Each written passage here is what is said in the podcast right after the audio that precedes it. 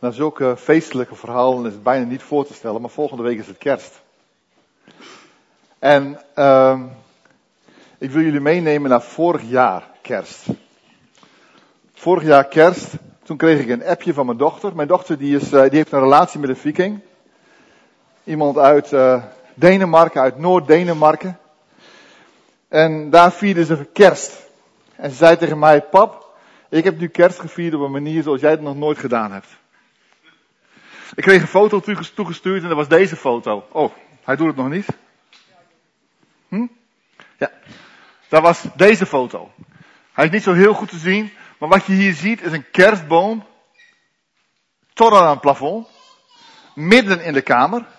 Met echte kaartjes. Onder een houten vloer, hè? Onder een houten plafond. Met echte kaartjes. En ze zegt van, wij moesten om die kerstboom heen lopen. Wij liepen rondjes om die kerstboom heen met z'n allen. En wij zongen een lied in het Deens. En ze stuurde mij dat lied op. En nou doe je even een Google Translate. Het was Stille Nacht. Het was ook dezelfde melodie. Het was ongeveer dezelfde tekst. kwam heel dicht bij elkaar in de buurt. Stille Nacht, Heilige Nacht. Davids zoon, lang verwacht. Dat was het uh, kerstfeest wat zij daar vierden. En eigenlijk is het zo dat in dit kerstfeest zoals ze dat daar vieren, alle, uh, ja, alles bij elkaar komt. En ik wil jullie nu vanmorgen drie kerstverhalen vertellen. Het eerste kerstverhaal wat ik jullie wil vertellen is uh, een kerstverhaal voor Jezus. Dat is het kerstverhaal wat hier verteld werd in deze regionen. Eigenlijk vanaf 4.500 jaar geleden tot ongeveer 1000 jaar geleden, want toen is het opgeschreven in Edda. En Edda, dat zijn de IJslandse geschriften van ongeveer ja, 800 jaar geleden, zeg maar, daar in de buurt. Dus dat staat echt duidelijk voor de echte kerstening van Europa. Het verhaal gaat als volgt. Helemaal in het begin van de aarde, nou dat eerste stukje laat ik dan eventjes weg, maar helemaal aan het begin was er een tuin. En die tuin die heette Asgaard. In die tuin stond midden in de tuin een boom. Die boom, um, die hing vol met vruchten. Nou, deze tuin met die boom, die komt ook in andere uh, mythes komt die voor. In de Keltische mythe heet die tuin Avalon. En Avalon, daar komt het woord appel vandaan. Dus die tuin hing vol met appels, zeg maar. Onder die boom zat de godin Freya. En Freya, die zat daar um, in een volmaakte omgeving. Die boom die werd gevoed vanuit de bron van het leven, zoals het heette. En aan de wortels van die boom knaagde een slang. Er was ook nog een, uh, een slechte godheid. Die heette Lokin. En deze godheid die wilde niks liever dan dat alle godheden de verkeerde kant op gingen. Zij had zo, hij had zo zijn techniekjes en hij zorgde ervoor dat die godin Freya onder die boom vandaan kwam. En daarmee eindigde eigenlijk de volmaakte wereld. Nou, dit is even een heel kort eerste stukje. Dan komen er tien reuzen, tien koningen die achter elkaar over de aarde regeren. En bij de tiende koning overstroomt de hele aarde met water. Iedereen komt om. Al het leven komt om. Op één reus na, de laatste koning, met zijn drie zonen. Die zijn namelijk in een holle boomstam gaan zitten. En die hebben het daarmee overleefd. Die drie zonen, wat ook weer goden waren, die kregen als opdracht om de aarde te bevolken. Ze liepen met z'n drieën langs de kust, zagen ze twee bomen staan. Die twee bomen, van die twee bomen maakten ze een man en een vrouw. Die man heette Ask, die vrouw heette Embla. En die man en die vrouw zijn midden in een tuin geplaatst. En die tuin heet Midgaard, wat mid is midden en gaard is tuin. Dus de tuin die in het midden van de wereld was op dat moment. Daar zijn ze ingeplaatst en vanuit die tuin is de wereld weer opnieuw bevolkt. Gaan we eventjes weer inzoomen op die bomen waar deze mensen uitgehaald zijn, zeg maar. Die boom kreeg een naam. Die kreeg namelijk de naam van degene die eruit kwam, de ask. Um, in Duitsland heet hij de Asch. In het Nederland heet hij de S. Als je nog verder naar het zuiden gaat, wordt die boom gelinkt aan de naam Asgenas. En in Scandinavië is het Askenas. Die naam moet je even onthouden.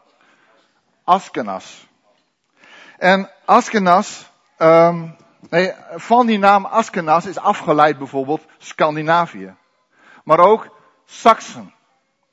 En wij zijn hier, ja eigenlijk Neder-Saxen. In dit gedeelte van Nederland spreken wij ook Neder-Saxisch. Dus daar komt die naam eigenlijk weer terug. Die boom, die werd vereerd. Die werd in het midden gezet, mensen dansten eromheen. Dat was eigenlijk een verering van die boom. Maar dat gebeurde in het midden van de winter, want dan lijkt het alsof alles dood is. En die boom, dat was de bron van het leven. Daar is namelijk leven uit voortgekomen. Maar omdat die boom in het midden van de winter ook helemaal kaal en leeg was, is daar een andere boom voor in de plaats gezet die groen is. Oftewel een spar. En die spar, die wordt volgehangen met appels. En dat is de boom die met kerst dan centraal staat. Dit is het verhaal van het kerstfeest voor Jezus Christus. Het is net alsof je een voordeur hebt met matglas. Er staat iemand anders aan de andere kant van de voordeur. Je kunt zien dat er iemand staat. Je denkt dat je aan de houding kunt zien wie het is. Maar je kunt niet zien of hij zijn jas open of dicht heeft. Of hij schoenen aan heeft.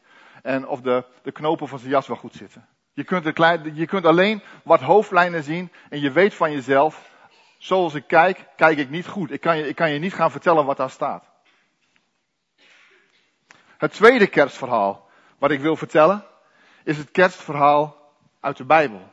En dan kijk je door helder glas. Het verschil namelijk tussen zo'n mythe en het verhaal uit de Bijbel is, het verhaal uit de Bijbel is de eerste optekening die we kennen, is 4.500 jaar oud. Dat is nou, ongeveer 3,7 millennia voor de eerste optekening die we kennen van het verhaal wat ik net vertelde. Dus 4.500 jaar oud. En er wordt worden zoveel details ingenoemd. Het is eigenlijk een bijna monotone op, opsomming van mensen, namen, kinderen en alles wat erbij hoort. Ik ga het verhaal vertellen en ik ga daarbij vertellen het verhaal van kerst. God maakte de aarde. Aan het einde van de schepping maakte hij de mens. En hij plaatste de mens in een hof. In die hof stonden twee bomen. De boom van het leven en de boom van de kennis van goed en kwaad. Als je de vruchten eet van de boom van het leven, zul je voor eeuwig leven. Als je eet van de boom van kennis van goed en kwaad, ben je ongehoorzaam aan God. Eva werd verleid door de slang en at van de boom van kennis van goed en kwaad. En daarmee was ze ongehoorzaam aan God en ze nam haar man daarin mee en ze waren beiden ongehoorzaam aan God. En daarmee is de mensheid in zonde gevallen. Gelijk na die zondeval was God in gesprek met de mens en gaf die een belofte. Oh, dit is de S trouwens. Dit is de S, uh, die boom die ik, uh, waar ik het pas over had. Gaf die een belofte. De belofte staat in Genesis 3, vers 15. Daar staat, en ik zal vijandschap teweeg brengen tussen u en de vrouw. Dat zegt God tegen de duivel. En tussen uw nageslacht en haar nageslacht. Dat zal u de kop vermorzelen en u zult er de hiel vermorzelen. Dat betekent er komt een zwaar gevecht. Maar uiteindelijk zal de mens de duivel overwinnen. Zo kun je het zien. Het, het, het zijn de kinderen van de vrouw die zullen overwinnen van de duivel. Die de duivel de kop zullen vermorzelen. Dan gaat het verder. Als je dan gaat kijken wat er verder nog gebeurt, dan zie je tien, tien generaties achter elkaar. Die komen uh, na Adam en Eva. En de tiende generatie was Noach. En Noach die had drie zonen. De hele wereld liep onder water. Alles verdronk. En Noach werd gered doordat hij samen met zijn zonen, zijn vrouw en de vrouwen van zijn zonen in een grote boot gered werd, in de ark.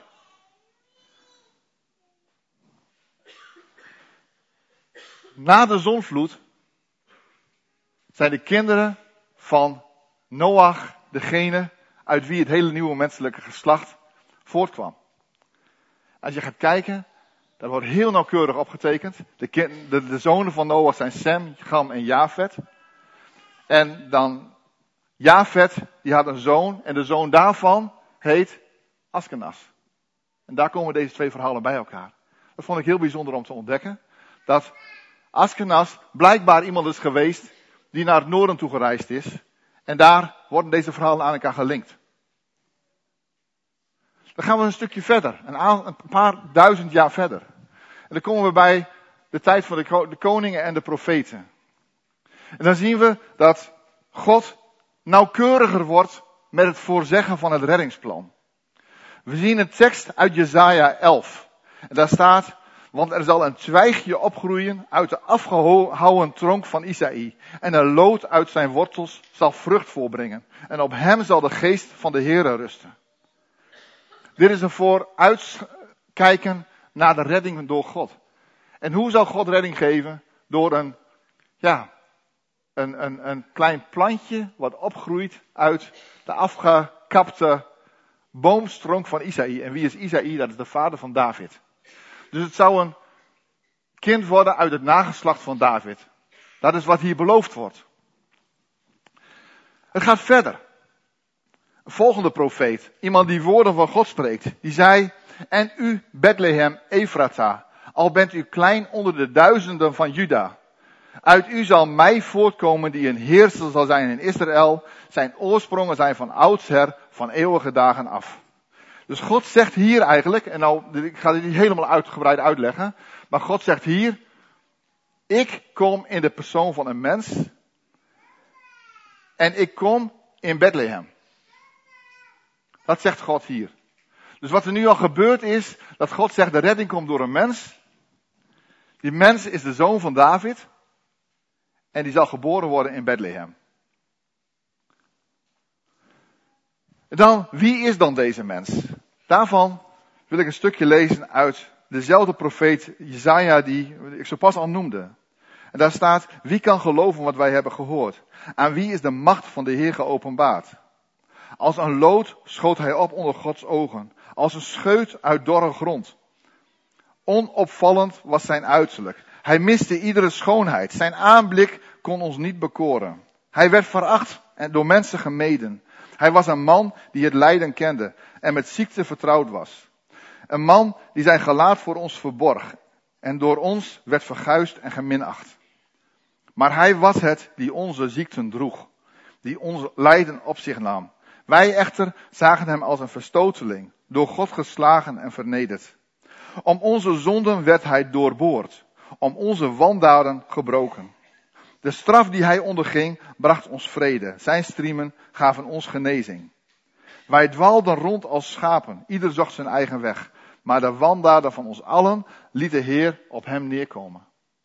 En hier zie je de persoon getekend om wie het gaat. Niet een grote, knappe, stoere man. Maar iemand waarvan je denkt van, ik weet niet of het wel mijn vriend zou kunnen zijn. Niet iemand die een succesverhaal vertelde. Maar iemand met wie het slecht zal aflopen. En dat slecht aflopen, dat is nodig om onze redding te geven.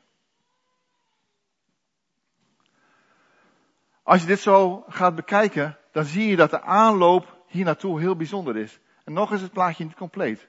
Er zijn een paar honderd heenwijzingen naar de redding door God.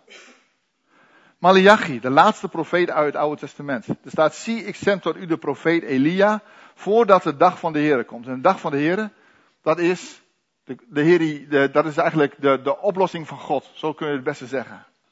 Die grote en ontzagwekkende dag. Hij zal het hart van de vaders tot de kinderen terugbrengen. En het hart van de kinderen tot hun vaders. Opdat ik niet zal komen en de aarde met de band zal slaan.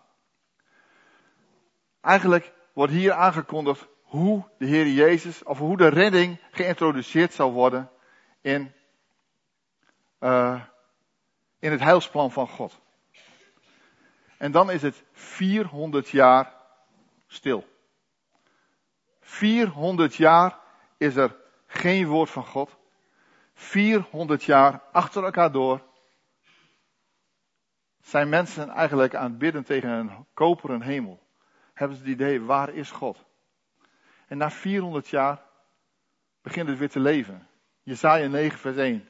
Het volk dat in duisternis gezeten is, zal een groot licht zien. Ze zijn 400 jaar in duisternis geweest. En dan zien ze een groot licht. Komt nu het kerstverhaal. Het verhaal wat wij kennen als een kerstverhaal. En ik wil je nu vragen om alles wat niet in het kerstverhaal staat los te laten. Dat is best wel heel veel. Daar blijft er weinig over. Ik wil je vragen om alle dieren los te laten. In het hele kerstverhaal staat niet één dier. Dus de os niet, de ezel niet, de schapen niet, de kamelen niet. De eerste dieren die naar voren komen zijn de duiven bij het opdragen van de Heer Jezus en die hoor je in bijna geen enkel kerstverhaal. Ik wil je vragen om dat los te laten. Ook de schapen inderdaad niet. Nee. Er staat wel dat er een kudde was, maar er staat niet wat voor dieren het waren. Er kunnen ook geiten zijn geweest. Je weet het gewoon niet. Ik wil je ook vragen om los te laten de stal. Het enige wat we weten over de plek waar de Heer Jezus geboren is, is namelijk niet in de herberg. En we weten zelfs niet eens of het woordje kribbe wel betekent voerbak.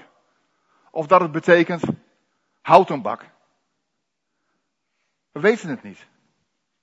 Laat dat los. Um,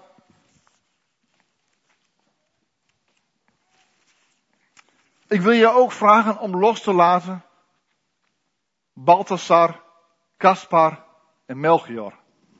De drie wijzen. Er waren wijzen, maar hoeveel, dat weet niemand. En of ze op kamelen zaten of op ezels, dat weet ook helemaal niemand. Dus laat het los. Het kan best zijn dat het er vijftien waren. Of twee. Dat weten we niet. Laat dat los. En wat er dan overblijft, is het schone verhaal. En het schone verhaal, dat is het verhaal, de geschiedenis van de redding van de aarde. Van de redding van jou en van mij. En die geschiedenis van de redding van de aarde is het waard om gevierd te worden. Dat is het absoluut waard. Er is een nieuwe fase begonnen. Je moet je voorstellen dat God zegt van het gaat gebeuren en op dat moment is het gebeurd. Er is trouwens nog iets wat je los moet laten. 25 december. Want de kans dat het in de winter gebeurd is, is eigenlijk niet heel. Het zal ergens in de zomer geweest zijn, want herders die gaan winters echt niet in het veld liggen. Dat gaan ze niet doen. Dus ook die datum mogen we loslaten.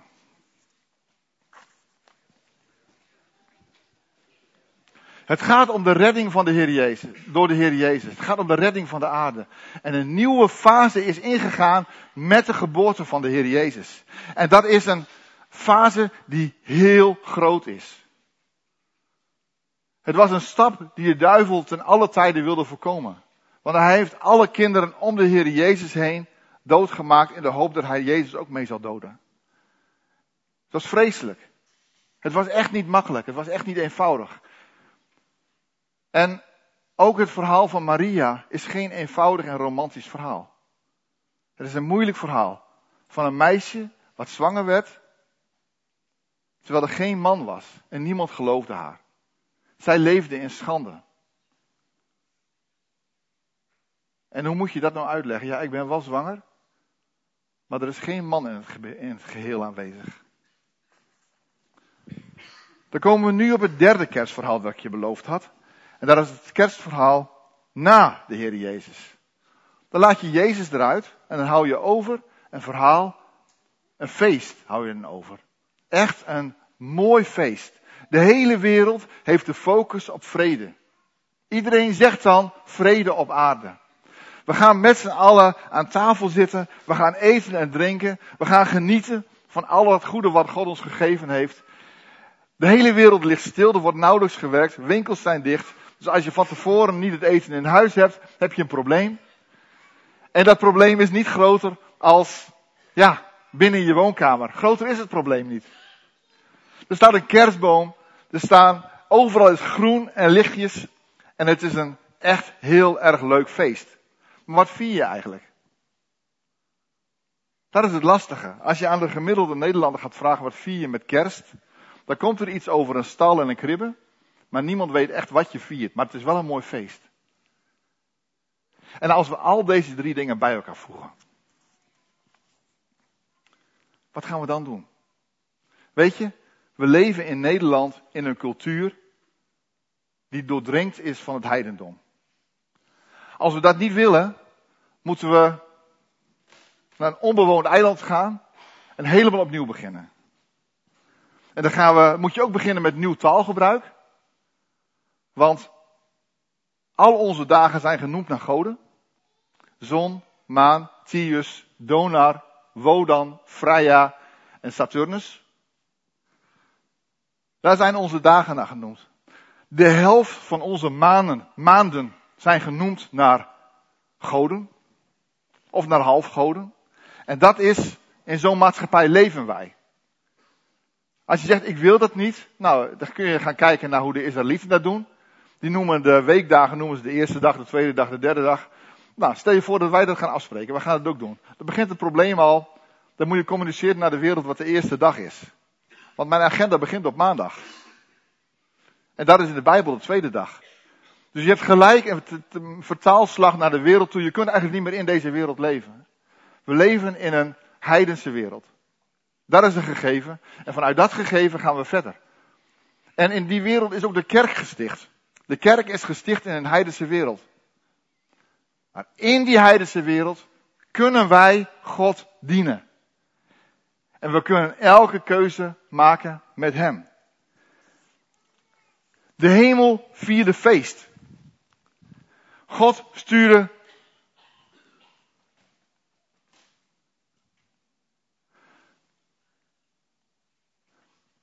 God gaf aan Maria, aan Zacharias en aan Elisabeth feest. Er werden lofzangen gezongen. Ze waren met elkaar hartstikke blij al voor de geboorte van Jezus. Het is een feestje waard.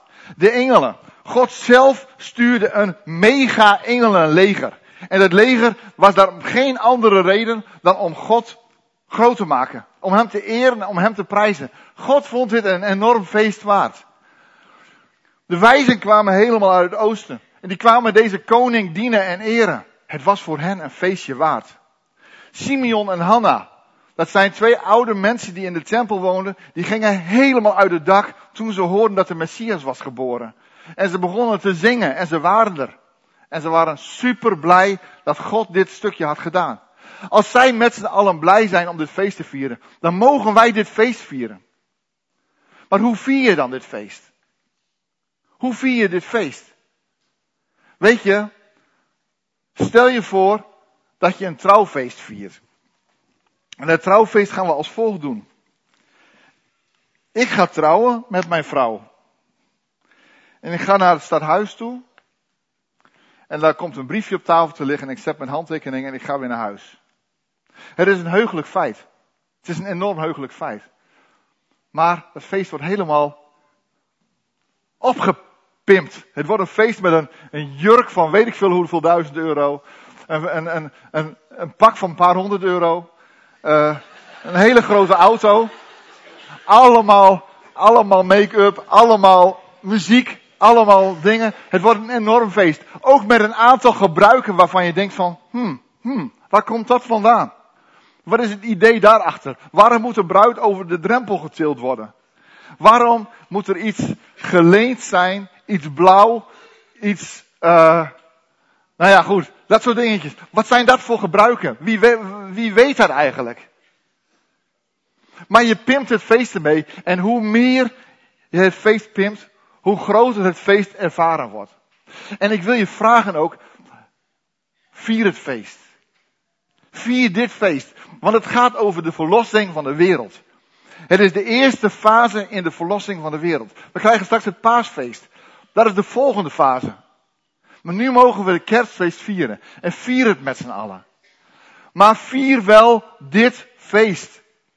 Vier dat God de aarde wilde redden. En dat hij daar al heel lang voor zegt had. En dat hij het gewoon doet. Dat hij trouw is. Dat hij nooit zal laten varen het werk wat zijn hand is begonnen te doen. Vier dat. En hang er dan maar van alles omheen. Maak er dan wat van alles mooi van. Wij hebben, ik, heb geen kerstboom in huis. Dat is mijn stap te ver. Vind ik, vind ik heel lastig. Maar als iemand anders dat wel heeft, prima. Wij hebben wel groen in huis en lichtjes. Oké, eigenlijk zie ik ook geen verschil. Maar dat is voor mij een stapje dichterbij. Maar het gaat er niet om dat het groen er is en hoe groot de kerstboom is. En dat hij tot een plafond toe zijn is. En dat er uh, kaarsjes staan die echt branden. En dat traditie, dat gaat er allemaal niet om. Het gaat om de kern van het feest. En dat is Jezus Christus. Het woord is vlees geworden. Daar gaat het om. Het nieuws van de Heer Jezus is evangelie. Het is het beste nieuws. Denk er dus over na hoe je het vers wilt vieren, kerstfeest wilt vieren. Eet lekker, maak het gezellig. Maar deel met elkaar de reden van het feest. En wees je er met elkaar van bewust. We gaan samen bidden.